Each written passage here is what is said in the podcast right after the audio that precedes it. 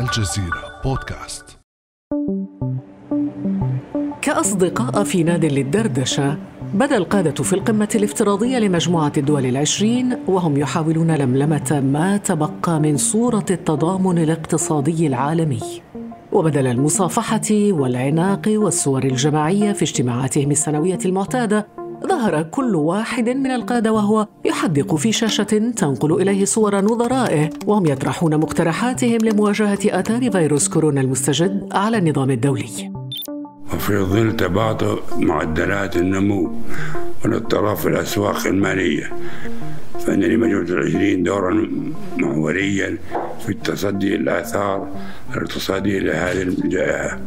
لذلك لابد لنا من تنسيق وإعادة الثقة في الاقتصاد العالمي كان هذا العائلة السعودية الملك سلمان بن عبد العزيز متحدثا عن مسؤوليات الدول الكبرى.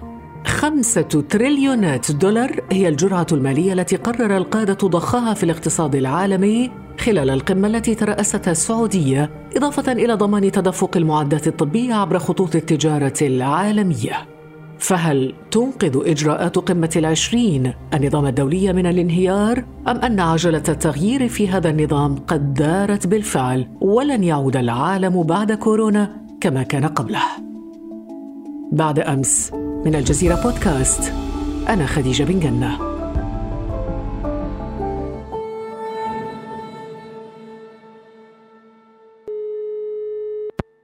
ضيفنا اليوم الدكتور محمد الشرقاوي الباحث الأول بمركز الجزيرة للدراسات. دكتور محمد أهلا وسهلا بك. أهلا. دكتور محمد شرقاوي هذه القمة الافتراضية ربما أول مرة تعقد مجموعة دول العشرين قمة افتراضية كهذه. ما رأيك بما اتخذ فيها من قرارات؟ اولا هي قمة فقدت بريقها منذ اللحظة الأولى لأنها كانت دائما ترتبط بكاميرات وبصور وفي جلسات يظهر فيها نجوم السياسة. لاحظنا أنها مرت بشكل فاتر أيضا تقدم حزمة أموال أو اعتمادات مالية لكن لا أرى أن المشكلة هي المال المشكلة هي في المعرفة العلمية وفي الخبرة في مجال الوباءات وفي الاستراتيجيات الفعالة حتى لا تزداد عدد الوفيات ويتسع نطاق الإصابات سواء في الخليج أو في أوروبا أو في بقية العالم. دكتور محمد شرقاوي أنت كتبت ونشرت هذا الأسبوع دراسة مهمة في جزئين بعنوان التحولات الجيوسياسية لفيروس كورونا وتآكل تاكل النيو ليبراليه أو الليبرالية الجديدة. دعنا نفهم في البداية من خلال هذه الدراسة ما هي الضربات التي وجهها كورونا المستجد إلى النظام العالمي وفعلت فعلها بهذه السرعه اولا منذ نهاية حقبة الحرب الباردة في نوفمبر 89 دخلنا في مرحلة ضبابية. أسميناها خطا مرحلة ما بعد الحرب الباردة لعل وعسى أن نصل إلى مفهوم أو إلى تركيبة جديدة. الآن مع انتشار هذا الوباء دخلنا في مرحلة لم نفكر فيها بالمرة. ليس على الصعيد الاقتصادي والسياسي بل أيضا حتى على الصعيد السلوكيات الفردية والجماعية كما لاحظنا من خلال هذا الحجر الصحي عبر كل المدن وعبر كل الدول. فانطلقت في الدراسة من قناعة أننا إذا كنا على أبواب مرحلة جديدة ماذا يتحرك فيها؟ فتبين أن أهم نقاش الآن هو هل هذا النظام الذي جمع بين الليبرالية الجديدة والعولمة هل هو الآن صالح في هذه المرحلة؟ ظهر لي أن كورونا أثبت أنه أقوى من هذا الترتيب وأن هناك إجحاف على كافة المستويات، الآن ينبغي أن نعود إلى فلسفة إيمانويل كانت إلى فلسفة الديمقراطية الأخلاقية أو الديمقراطية المعنوية. بمعنى آخر أن نستبدل الربح ورأس المال كوحدة تحليل رئيسية بالإنسان الفرد الأسرة المجتمع، ينبغي أن تعود الدولة إلى رعاية أهم عنصر فيها وهو الإنسان لذلك اقترحت الآن أننا بحاجة لمراجعة شاملة لكل المنظومة الاقتصادية والسياسية وأيضا تشجيع النقاش الصريح. ولاحظنا أيضا دكتور غياب المبادرات يعني باستثناء منظمة الصحة العالمية فإن منظمات الأمم المتحدة بدت غير قادرة تماما على قيادة أي مبادرة لتنسيق جهود العالم لمواجهة هذا الوباء، لماذا برأيك؟ هناك تعثرات الآن فيما يمكن أن نعتبره منظومة دولية، الأكثر من هذا أمام حكم الملكه كورونا وهو حكم استبدادي كما يبدو، لا تستطيع هذه المنظومة أن تفعل شيء، تحولت منظمة الصحة العالمية إلى ما يمكن أن نسميه مكتب علاقات عامة مكتب تقديم إحصائيات عدد الإصابات عدد الوفيات. منظمة الصحة العالمية تترنح من كون أن عدة دول لم تقدم لها ما يكفي من المعلومات. المشكلة الأساسي أنه على أعلى مستوى صحي في العالم لا نعرف حجم الإصابات ولا عدد الوفيات وهذا يؤكد أن هذه المنظومة ليست مواتية لتحديات المرحلة. كنت أتمنى أنه بعد شهر بعد شهرين بعد ثلاثة أشهر أن يظهر مسؤول منظمة الصحة العالمية ويقول بالدليل العلمي القاطع هذا هو سبب انتشار الفيروس. لا زلنا لا نعرف الكثير. بدت عواصم العالم خالية من أي حراك وبدت شوارعها بدون سالكين وربضت طائرات نقل الركاب في مطارات العالم الكبرى معلنة حالة شلل عمت أرجاء الأرض. هوت البورصات وتدنت أسهم الشركات إلى أدنى مستوياتها. هذا وأزمة كورونا ما زالت في بداياتها مما يعطي صورة عن حجم الخسائر التي تتهدد اقتصاد العالم جراء هذه الأزمة وعن مدى تأثير هذه الخسائر على الدول الكبرى في عالم ما بعد هذه الجائحة. تزامنت أزمة كورونا مع هبوط حاد في أسعار النفط والعالم لم يتعافى بعد من آثار حرب تجارية بين الصين والولايات المتحدة الأمريكية. دكتور محمد شرقاوي هل من فكرة ولو بسيطة يعني ولو بشكل تقريبي عن حجم الخسائر الاقتصادية على العالم جراء هذه الجائحة؟ اولا نبدأ من أمريكا. لاحظنا أن ترامب كان دائما يفاخر العالم بأنه استطاع أن يضخ الكثير من الحيوية في بورصة نيويورك فارتفع مؤشر داو جونز من 22000 إلى قرابة 28000 يوم الثاني عشر من مارس عندما عصفت كورونا ذهبت كل المكاسب التي حققتها هذه البورصة منذ عام 2016 ثلاث سنوات نفخ فيها الريح فطارت. مليارات وتريليونات الدولارات. وهذه وضعية أسوأ من عواقب الأزمة المالية عام 2008 الأكثر من هذا هي قد تنذر بما يقترب من الاثنين الأسود عام 87 ومن الخميس الأسود عام 29 هناك أزمة مالية. في نفس الوقت الآن منظمة الصحة العالمية أظهرت بعض الأرقام تريليون أو أكثر لكن أرى الآن أن المشكلة أكبر وأعمق لماذا؟ لأنه ليست فقط الخسائر الآن التي سجلت نفسها في بورصات العالم من نيويورك إلى برلين إلى باريس إلى طوكيو بل أيضا هذه المرحلة مرحلة الجمود والاستكانة وضرورة عدم تحريك أي آلية من الاقتصاد لا مطاعم لا طيران لا Disney World لا شيء يتحرك هذا السكون أعتقد سوف يعمق المتاهة الاقتصادية وربما كما قلت في البداية لن نتجاوز هذه المحنة إلا بعد 11 عاما من الآن. طيب ما مدى انعكاس هذه الخسائر دكتور على الدولار كعملة عالمية؟ أعتقد هذا يعزز النقاش في منحيين، المنحى الأول هو دعوة بعض العواصم لإعادة النظر في استخدام سلة من العملات، قد تكون اليورو، قد تكون الين الياباني، قد تكون العملة الصينية وما إلى ذلك، بمعنى نوع من الثورة الخفية ضد مركزية الدولار في التعاملات بين المصارف العالمية. لا شك أن الدولار سوف يتأثر بدوره، قد يتهاوى الدولار، قد يتهاوى اليورو. لكن هل العملة الصينية الآن في مستوى أن تكون عالمية لا أعتقد ربما قد تستقر الأمور على الاحتفاظ بمركزية الدولار على الرغم من كل مساوئه.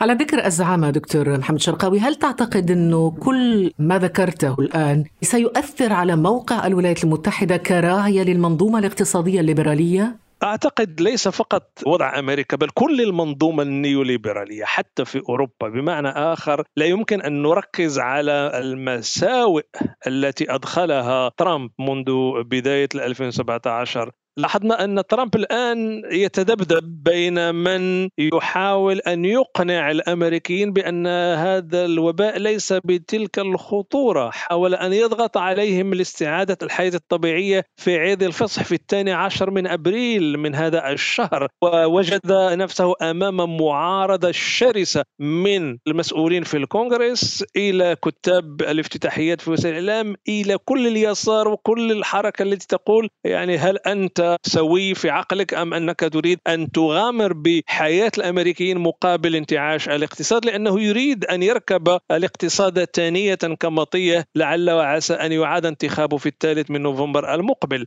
المشكلة في نظري هي أن المنظومة الليبرالية التي قامت على أفكار ميلتون فريدمان على أساس أنه أعاد تركيب نظرية أدم سميث دعه يمر دعه يعمل. أضفنا إليها الحرية وكانت حرية تقريبا شبه مطلقة للشركات للأثرياء للشركات متعددة الجنسيات. كل هذا الآن يؤكد لنا أن هذه الليبرالية الجديدة أينما كانت أوروبية أمريكية أو حتى في الدول العربية التي تبنت هذا النموذج والأكثر من حتى الإصلاحات النيوليبرالية التي اقترحها البنك الدولي وصندوق النقد الدولي على دول مثل المغرب مصر دول أخرى في الخليج. كل هذه التركيبة الاقتصادية الآن هي بين المطرقة والسندان لأنها فشلت ليس فقط في حماية الفرد والمجتمعات من مثل هذه الكارثة بل أثبتت أن ليس لديها لا نظرة استباقية ولا نظرة للاحتواء ولا حتى التفكير في لقاح أو ما إلى ذلك. هذا الفيروس أفرز واقعا جديدا تبدو فيه الدولة الأقوى عالميا وهي الولايات المتحدة بالطبع، تبدو وكأنها تخلت عن دورها في قيادة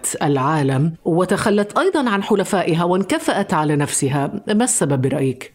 أعتقد هناك عدة أسباب، هناك أسباب بنيوية وهناك أسباب تتعلق بالرئاسة أو بالنظام الرئاسي الحالي في البيت الأبيض. الأسباب البنيوية هو أنه لاحظنا منذ حرب العراق عام 2003 تذبذب الموقف الأمريكي في زعامة العالم بين الانتشار ودعم منظومة الحقوق حقوق الإنسان والحريات العامة وكل هذه القيم وبين ضرورة أن تهتم أمريكا ببيتها الداخلي يأتي رجل يبيع العقارات ويصبح هو رجل السياسة الأول في واشنطن فماذا يفعل؟ يقول نريد انعزالية سياسية نريد حمائيه اقتصادية نريد استعادة عظمة أمريكا. فقط ماذا في المقابل؟ هناك أعين بيجين هناك الحلم الصيني بأن يحل في يوم من الأيام في زعامة العالم محل الولايات المتحدة. ولاحظنا أن القيادة الصينية حاولت أن تستغل هذا الف الفراغ بتقديم نفسها على أنها طبيبة العالم. قدمت مساعدات لإيطاليا لإسبانيا أفتت المشوره على تركيا ودول أخرى. وهذا يمهد لحديثنا عن احتمالية قيام نظام عالمي جديد. حين تسربت الأخبار عن محاولات الرئيس الأمريكي دونالد ترامب احتكار لقاح تعمل شركة ألمانية على تصنيعه كانت طائرة صينية ضخمة تحط في مطار روما حاملة المساعدات والأطقم الطبية وخبرة أشهر من مصارعة فيروس كورونا. وفي الوقت الذي تواصل فيه أمريكا انكفاءها عن قيادة المبادرات الدولية لمواجهة الجائحة وإغلاق أرضها أمام الحلفاء تفردت الصين بتوزيع المساعدات على حلفاء أمريكا التقليديين في أوروبا تتعهد بيجين بتزويد الاتحاد الأوروبي بملايين الكمامات الواقية وأكثر من خمسين ألف جهاز فحص. كذلك أوفدت الحكومة الصينية أطنانا من المعدات الطبية وفرقا من خبرائها لنقل تجربتهم في مجابهة الفيروس إلى عدة دول من بينها إيطاليا. ووصلت المساعدات الصينية إلى أمريكا نفسها. فما انعكاس ذلك على موقع الدولتين مستقبلاً؟ دكتور محمد شرقاوي أمريكا تنكفي على نفسها تترك حلفائها لمصيرهم فيما تبدو الصين في حالة تمدد تتمدد وتساعد دولا أوروبية أنت كيف تقرأ هذه المفارقة؟ أعتقد هناك المنحى الاستغلالي الذي أبداه الرئيس ترامب عندما حاول التحايل على الشركة الألمانية كيورفاك بمبلغ مليار دولار على أساس أن تحتكر حكومته استخدام هذا اللقاح المرتقب. ولا نعرف هل بعد شهر أم بعد عام. إذا هناك هذا العنصر بأن هناك بعض الزعامات. زعامة ترامب ليست لا لمصلحة الإنسانية ولا للمصلحة العامة. في المقابل أيضا وإن راج الخطاب الآن بأن الصين تساعد أوروبا وتبعث بآلاف وعشرات الآلاف من الكمامات تبين أيضا أن هناك أحيانا سوء نوايا الصينية وأعطيك مثال وزارة الصحة الهولندية قبل يومين قررت رفض شحنة من الكمامات الصينية يبلغ عددها 600 ألف كمامة لماذا؟ تبين أنها استخدمت من قبل من قبل الأطباء والممرضات الصينيات إذا لا يمكن الآن الثقة لا بزعامة البيت الأبيض ولا بالزعامة الصينية بهذه الطريقة. للأسف نلاحظ الآن أن هناك معركة علاقات عامة تلعبها الصين إلى حد كبير. ولكن بين الشرق والغرب بهذه الحرب حرب الزعامات دكتور محمد يعني ألا يبدو لك أنه زعامة دولة مثل الولايات المتحدة الأمريكية دولة ديمقراطية بكل عيوبها طبعا أحسن من زعامة دولة شمولية ديكتاتورية مثل الصين؟ يعني كما نقال يعني هم أهون من هم يعني. لا شك لكن يبقى الزعامة دائما ترتبط بتكريس قيم مشتركة قيم تترفع عن المصلحة الشخصية وعن المصلحة الوطنية. لا يمكن الآن أن نمدد عمر هذه الزعامة الأمريكية بهذه المواصفات الترامبية. دائما كانت أمريكا في أفضل مراحل تأثيرها العالمي عندما تدعو لقيم حضارية ولحوار ثقافات وحوار حضارات. ولاحظنا مثلا أن خطة مارشال لبناء أوروبا عقب الحرب العالمية الثانية كانت من هذه القيم. لاحظنا أيضا مشروع التنمية الذي تبنته حكومة جون إف كينيدي عام 60 61 إن قبل مقتله في 63 مد العالم دول الفقيرة ببعض المساعدات الغذائية وما إلى ذلك. هنا زعامة أمريكا بامتياز. لكن عندما تتعالى أمريكا ترامب على هذه والأكثر من هذا لم يتفوه ترامب حتى الآن بخطاب في البيت الأبيض يعلن فيه نظرته أو سياسته لمساعدة العالم بما فيه أمريكا في احتواء هذا الفيروس وأيضا في جهود تركيب أو تصميم لقاح جديد.